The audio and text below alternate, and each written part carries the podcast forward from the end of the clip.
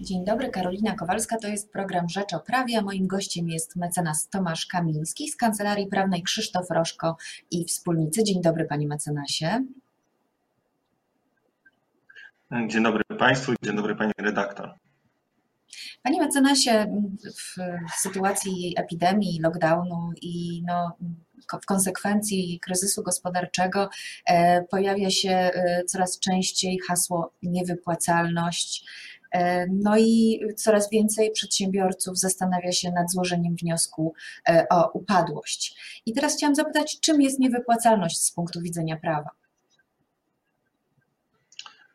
Z punktu widzenia mamy dwie, takie dwa podstawowe ujęcia upadłości, które zostały uregulowane w ustawie prawo upadłościowe. To znaczy podstawowe pojęcie, ujęcie upadłości to jest ujęcie płynnościowe.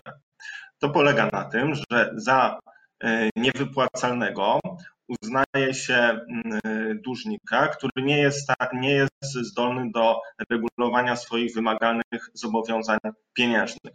Czyli jest to sytuacja, która, która musi mieć charakter y, trwały i charakter definitywny. I to, to ujęcie niewypłacalności, ono jest wspomagane przez domniemanie prawne, to znaczy przyjmuje się, że niewypłacalnym jest dłużnik, który e, opóźnia się z realizacją swoich e, wymagalnych zobowiązań przez okres dłuższy niż 3 miesiące. To jest takie podstawowe, e, podstawowa przesłanka niewypłacalności. Dodatkowo w przypadku dłużników będących osobami prawnymi mamy tu ujęcie zadłużeniowe pojęcia niewypłacalności. To znaczy, to jest przypadek, kiedy y, zobowiązania dłużnika przekraczają jego y, cały majątek, przy czym ten, ten stan utrzymuje się przez czas dłuższy niż dwa lata, niż 24 miesiące. I, I teraz sytuacja jest tego rodzaju, że w momencie, kiedy popadniemy w niewypłacalność, kiedy są podstawy do ogłoszenia upadłości, no, y, dłużnik powinien, na dłużniku ciąży co do zasady, znaczy ciąży obowiązek złożenia wniosku o upadłość, czyli ma na to generalnie 30 dni na złożenie takiego wniosku. No i to jest, żeby o tym obowiązku, z tego względu, że niespełnienie tego obowiązku łączy stronie dłużnika, tak naprawdę nie od dłużnika z odpowiedzialnością prawną, odpowiedzialnością cywilną, odpowiedzialnością za zobowiązania, odpowiedzialnością, a także możliwością nałożenia na te zakazania e, działalności e, w obrocie gospodarczym. A czy w związku z obecną sytuacją nastąpiły jakieś zmiany, jeśli chodzi o terminy zgłaszania wniosku o ogłoszenie upadłości?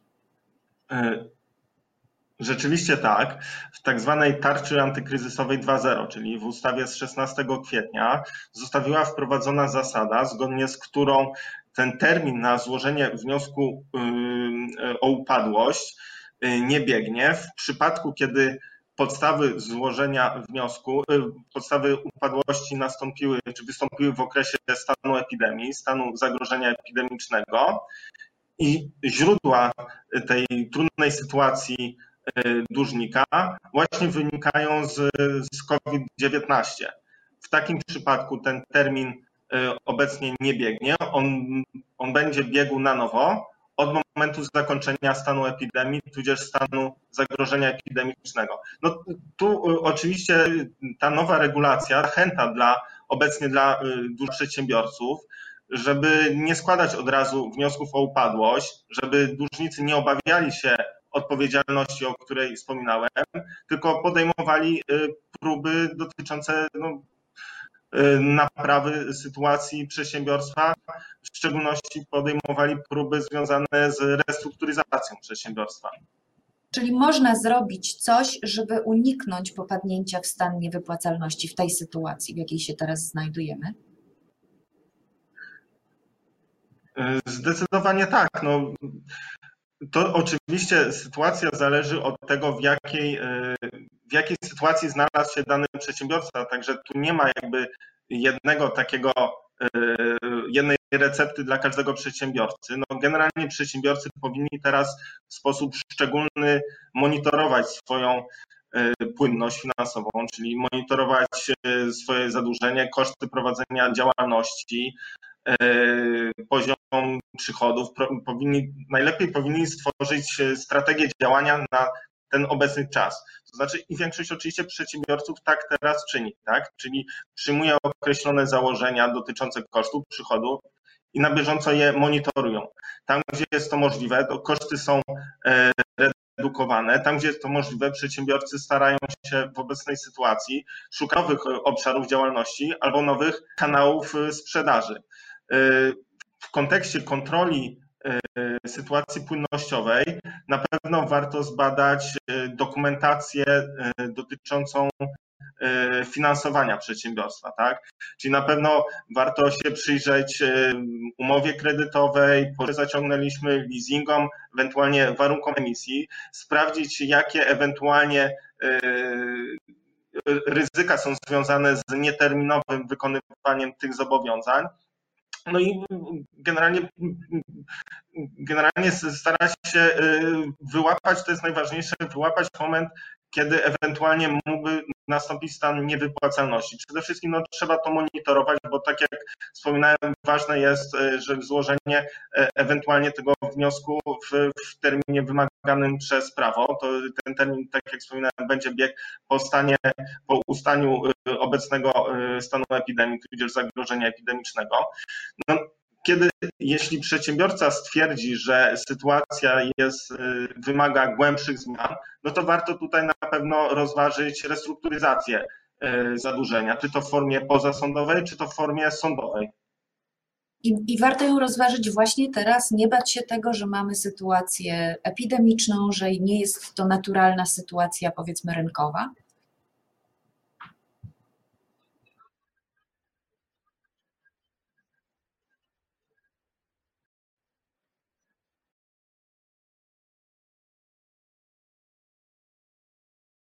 Się?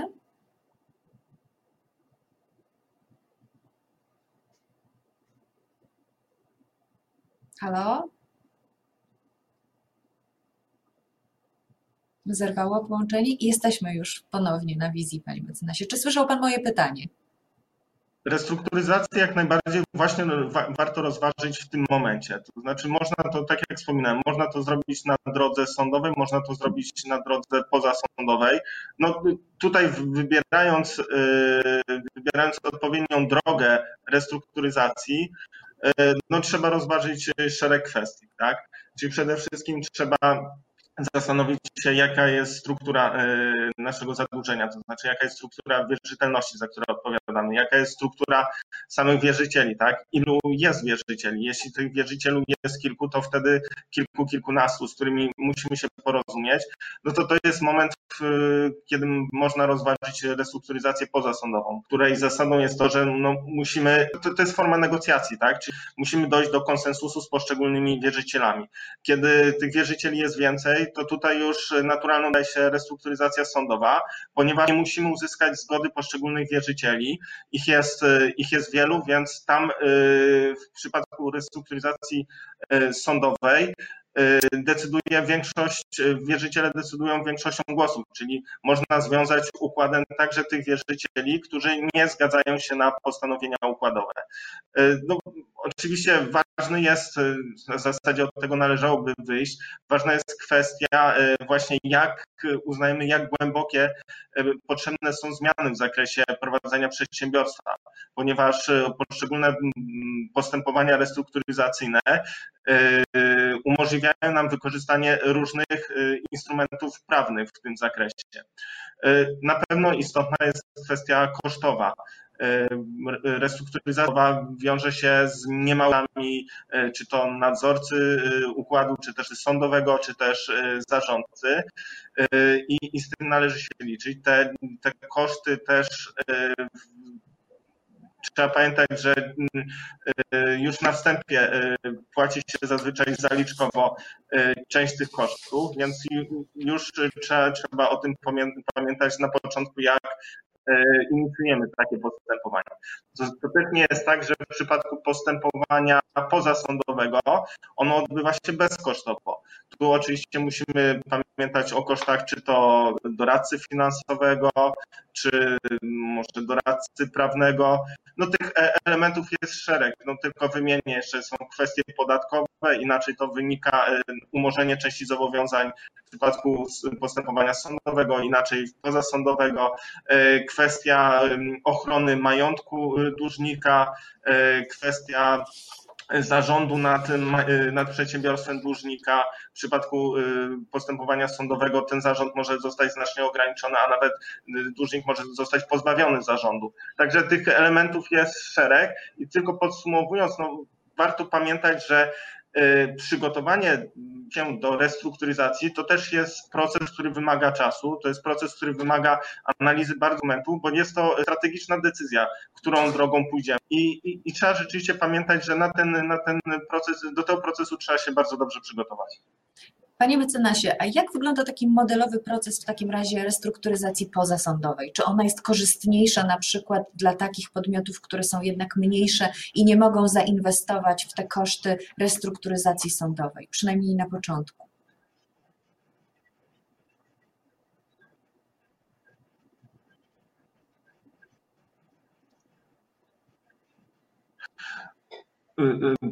Proces e, restrukturyzacji pozasądowej, to tak jak wspominałem, no to y, założenia y, on zakłada, że staramy się porozumieć z kilkoma, kilkunastoma wierzycielami, bo pod względem operacji tylko wtedy możliwe.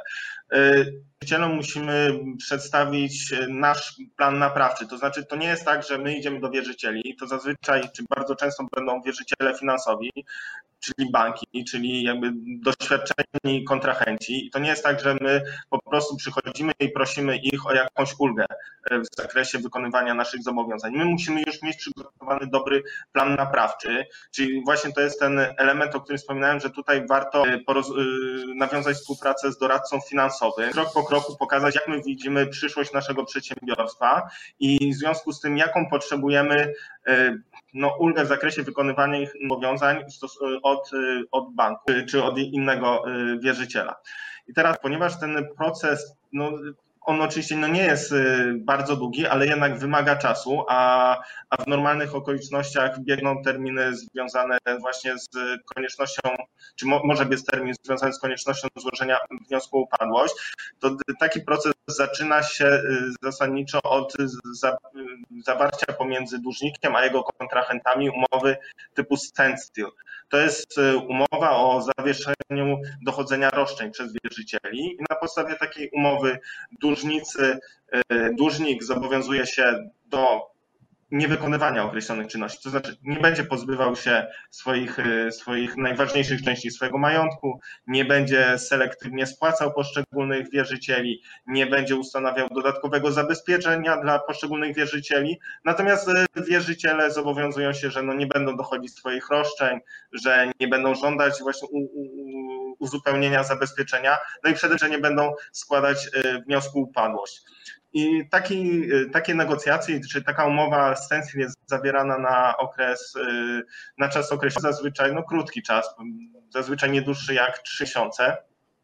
I efektem takich negocjacji, takich, e, e, e, takich roz dłużnikiem a wierzycielami jest już zawarcie takiej umowy dotyczącej restrukturyzacji, no, która określa właśnie, jak wygląda działalność przez dłużnika, jak, jak mają dane wierzytelności. A jeśli chodzi o rodzaje restrukturyzacji sądowych, to czy są jakieś, które są preferowane jednak przez przedsiębiorców, przez te jednostki, które mają długi wobec kontrahentów?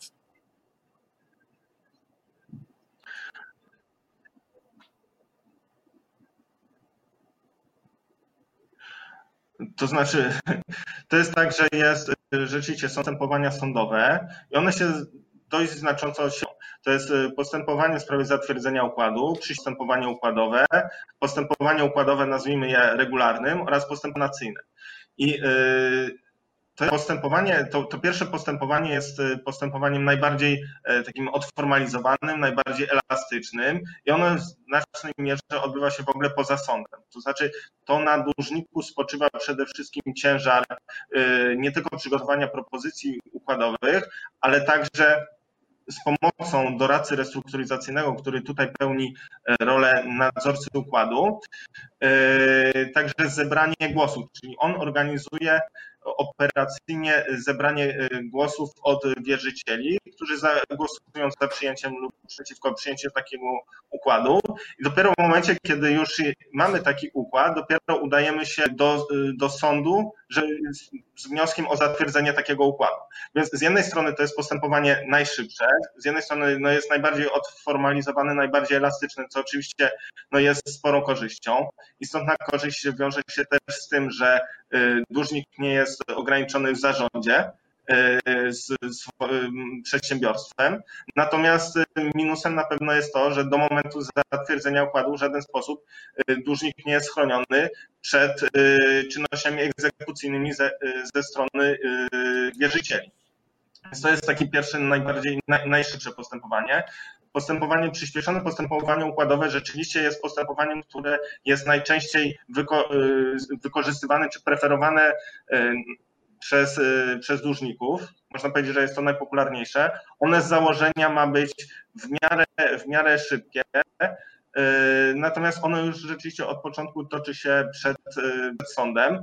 Tu względem e, złamacia takiego postępowania legislacyjnego sąd wyznacza nadzorcę sądowego. Mamy tu na początku ochronę dłużnika, z ograniczoną, ale mamy ochronę dłużnika przed egzek ze strony ale z drugiej już częściowo nie zarządnie dłużnika, bo przekły zarząd wymagają, wymagać będą zgody nadzorcy. Także no, to, to w każdym przypadku trzeba wypośrodkować. No, takim naj, najgłębszym postępem jest na pewno postępowanie sanacyjne i, i, i, i ono ma, ma takie elementy postępowania, czy, czy przyznaje zarządcy niektóre elementy, które są już podobne do uprawnień przysługujących syndykowi. To jest takie postępowanie najbardziej sformalizowane i pozwalające na najgłębszą restrukturyzację. Także jeśli chodzi o preferencje, no to zawsze trzeba dostosować do, e, do potrzeb danego dłużnika i to jest to, o czym mówiłem e, kilka chwil temu, czyli rzeczywiście trzeba przeprowadzić tą dokładną analizę, zastanowić się, co jest nam najbardziej potrzebne. Panie mecenasie, a czy w przypadku braku możliwości pozyskania finansowania i przeprowadzenia takich działań restrukturyzacyjnych, czy jedyną możliwością, jedyną, jedynym rozwiązaniem jest upadłość i likwidacja przedsiębiorstwa?